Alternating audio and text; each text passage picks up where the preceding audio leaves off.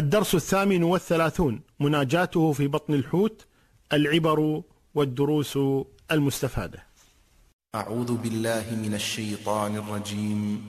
وذا النون إذ ذهب مغاضبا فظن أن لن نقدر عليه. فظن أن لن نقدر عليه فنادى في الظلمات فنادى في الظلمات أن لا إله إلا أنت سبحانك إني كنت من الظالمين. فاستجبنا له ونجيناه من الغم وكذلك ننجي المؤمنين. يقول الله جل وعلا فنادى في الظلمات. الظلمات نص أهل العلم أنها ثلاث ظلمات. ظلمة بطن الحوت فهو في بطن الحوت. وظلمة البحر فالحوت في البحر. وظلمة الليل. فاجتمعت هذه الظلمات على يونس صلوات الله وسلامه عليه في مكان كما قال يونس اتخذت لك مسجدا في مكان لم يتخذه أحد قبلي. فكذلك هنا في ظلمات. بعد تام عن الرياء والسمعة. في بطن الحوت في لجة البحر في الليل. ما يراه أحد.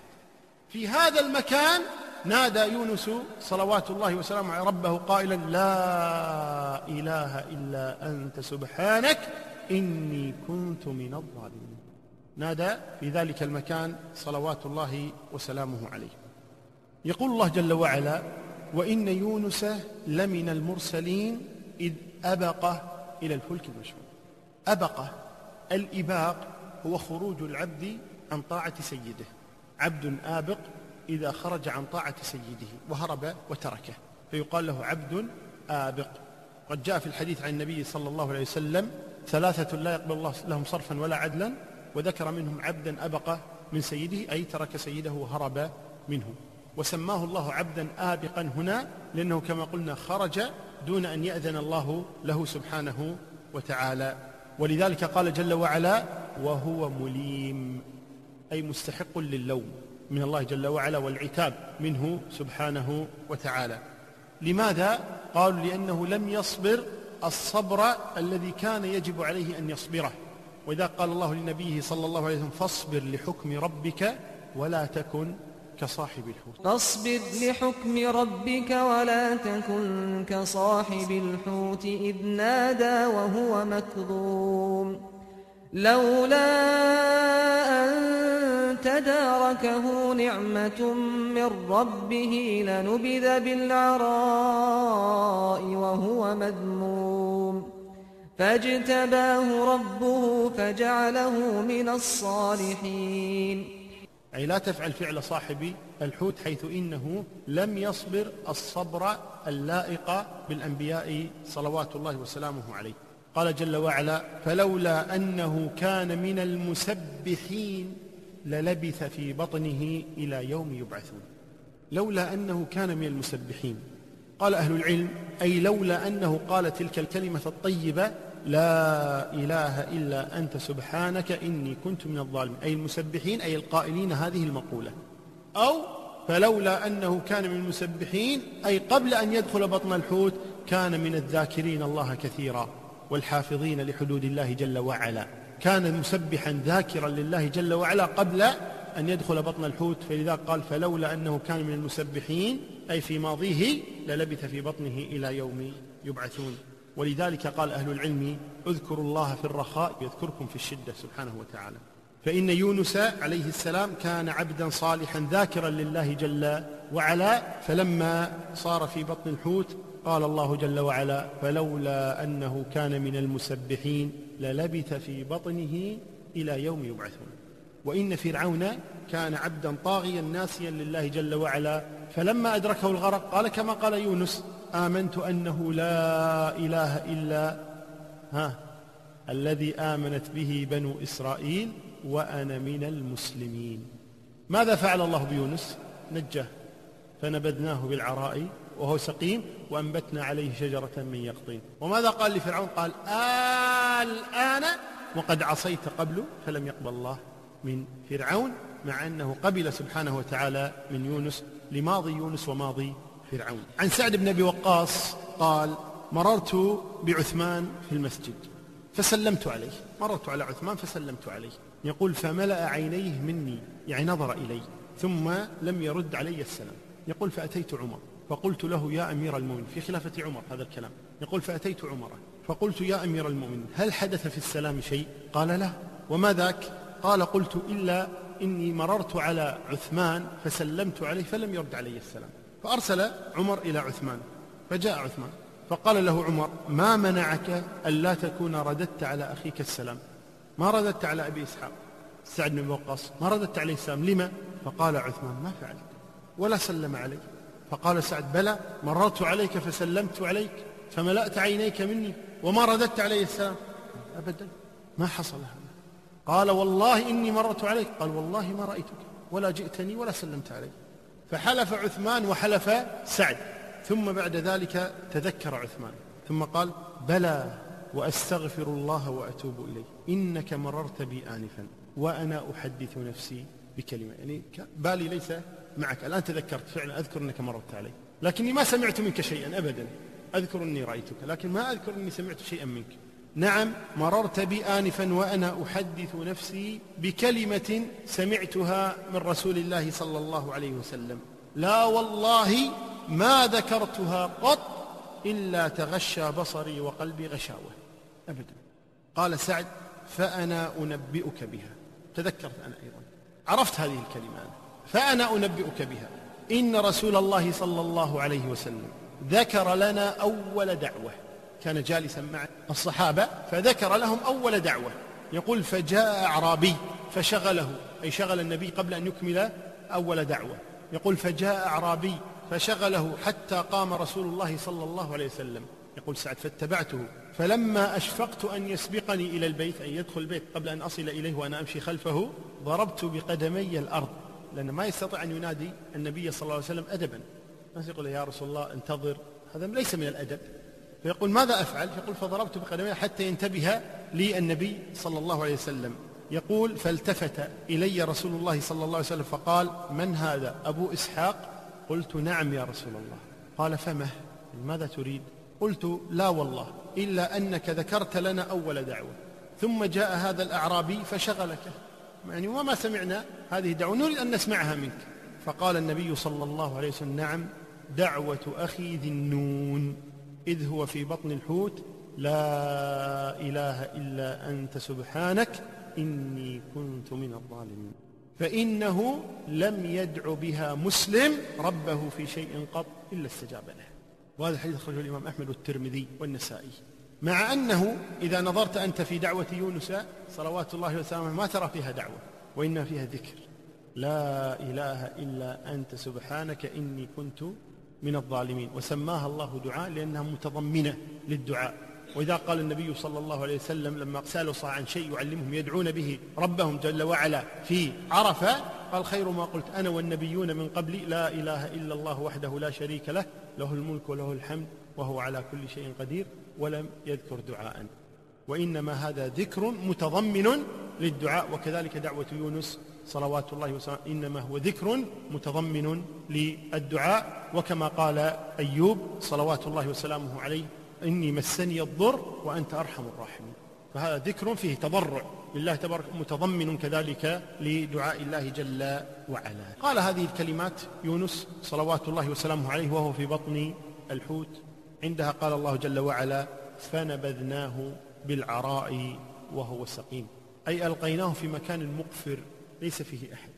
فنبذناه بالعراء وهو سقيم أي مريض نحل جسمه وضعف لما كان في بطن الحوت. وهذا يؤيد قول من قال أنه جلس أياما في بطن الحوت. والعلم عند الله جل وعلا المهم أنه ألقاه الحوت وهو سقيم أي ضعيف الجسم. صلوات الله وسلامه عليه. قال وأنبتنا عليه شجرة من يقطين. ما هو اليقطين؟ قال المبرد والزجاج كل شجر لا يقوم على ساق وإنما يمتد على وجه الأرض فهو يقطين. كل شجر لا يقوم على ساق يعني ليس له جذع يقوم عليه وإنما يفترش الأرض افتراشا يمشي في الأرض افتراشا. قال كل هذا يسميه العرب يقطين. قال ومنه الدباء اللي هو القرع ومنه البطيخ ومنه الحنظل وجميع هذه النباتات التي تمشي في الأرض الكوسة وغيرها كل هذه تسمى يقطينا. وسميت يقطينا لأنها تقطن الأرض أي اتخذت الأرض مكانا لها أي لا ترتفع وإنما تقطن الأرض أي تلتزم الأرض. ولذلك سميت يقطينا من قطن المكان أي إذا أقام به. ويقال فلان قطن هذا المكان أي استقر به والتزمه. ألقاه الحوت. عند ذلك أمره الله تبارك أن يرجع إلى قومه. أن يرجع إلى قومه. وقلنا خلاف بين أهل العلم. هل بعد أن ألقاه الحوت ذهب ودعا قومه لأن الله تبارك وتعالى يقول وأنبتنا عليه شجرة من يقطين وأرسلناه إلى مائة ألف أو يزيدون. يعني كان الإرسال بعد أن ألقاه الحوت. وقيل وهو المشهور عند أهل العلم أنه أرسله الله مرة ثانية إلى قومه بعد أن تابوا وتضرعوا إلى الله جل وعلا. قال فأرسلناه إلى مائة ألف أو يزيدون. فآمنوا فمتعناهم إلى حين. جاء في آية أخرى قول الله جل وعلا إلا قوم يونس لما آمنوا كشفنا عنهم عذاب الخزي في الحياة الدنيا ومتعناهم إلى حين. كشفنا عنهم عذاب الخزي في الحياة الدنيا. يعني معناها سيعذبون في الآخرة. هذا أمر وارد. ولكن يقطع على هذا قول الله جل وعلا فآمنوا فمتعناهم إلى حين. وطالما أنهم آمنوا فهم ناجون. يوم القيامة وهذا هو الصحيح أن قوم يونس آمنوا فنجاهم الله من عذاب الدنيا ونجاهم كذلك من عذاب الآخرة. عندما يقرأ العبد المسلم هذه الآيات في يونس صلوات الله وسلامه عليه عندما يقرأ قول الله جل وعلا إذ أبق إلى الفلك المشحون فشباه بالعبد الآبق من سيده أي الهارب من سيده. وقول الله تبارك وتعالى وهو مليم أي ملام على ما فعل وهو تركه قومه قبل أن يأمره الله جل وعلا وقول الله لنبيه صلى الله عليه وسلم فاصبر لحكم ربك ولا تكن كصاحب الحوت. فقد يلقي الشيطان في روع أحد الناس أنه يونس قصر في دعوته وهذا من الباطل. ولذلك لا يجوز الإنسان يتنقص نبي الله يونس صلوات الله وسلامه لمثل هذه الأمور التي ذكرها الله جل وعلا. ولذلك نبه النبي صلى الله عليه وسلم على ذلك فقال ما ينبغي لعبد أن يقول إنه خير من يونس ابن متى. أي لا يجوز لأحد أن يفضل نفسه على يونس لأنه نبي كريم صلوات الله وسلامه عليه. لا يجوز أن يفضل أحد نفسه على نبي الله يونس. لكن جاء في حديث لا تفضلوني على يونس فهو غير صحيح. بل محمد صلى الله عليه وسلم خير من يونس صلوات الله بل خير من جميع الأنبياء صلوات الله وسلامه عليهم أجمعين. ولذلك قال أنا سيد ولد آدم. ويقول الله جل وعلا تلك الرسل فضلنا بعضهم على بعض. فالله فضل بين الرسل سبحانه وتعالى. ولكن لا يجوز التفضيل بين الرسل إذا كان على سبيل التنقيص. إذا كان سبيل التنقيص لهم والطعن فيهم فهذا لا يجوز. ولذلك جاء عند الإمام البخاري أن رجلا يهوديا عرض سلعته ليبيعها فجاءه رجل فعرض عليه سعرا فغضب اليهودي لعل السعر كان نازلا جدا فغضب اليهودي فقال لا والله لا أبيعها والذي اصطفى موسى على إنه يهودي فذكر موسى قال والذي اصطفى موسى على البشر فسمعه رجل من الأنصار قال أتقول هذا حتى على محمد؟ يعني الله اصطفى موسى حتى على محمد على سائر البشر فلطمه لطم اليهودي. فذهب اليهودي إلى النبي محمد صلى الله عليه وسلم يشكوه هذا الأنصاري. فقال يا أبا القاسم أليس لنا ذمة وعهدا؟ فقال النبي صلى الله عليه وسلم بلى لكم ذمة ولكم عهد. فقال اليهودي فسل هذا لم لطمني. فناداه النبي صلى الله عليه وسلم نادى الأنصاري قال لم لطمته؟ فذكر له ذلك. قال قال والذي اصطفى موسى على البشر وذكرك من سائر البشر. فرؤي الغضب في وجه النبي صلى الله عليه وسلم وقال لا تفضلوا بين الأنبياء لا تفضلوا بين الأنبياء. فإذا كان هذا التفضيل على سبيل التنقص من بعض الأنبياء يعني يقول مثلا محمد أفضل من موسى يريد التنقيص من موسى هذا لا يجوز. وأما إذا أراد الإخبار عن ذلك وهو أن محمدا صلى الله عليه وسلم أفضل من موسى صلوات الله عند ربه فهذا حق.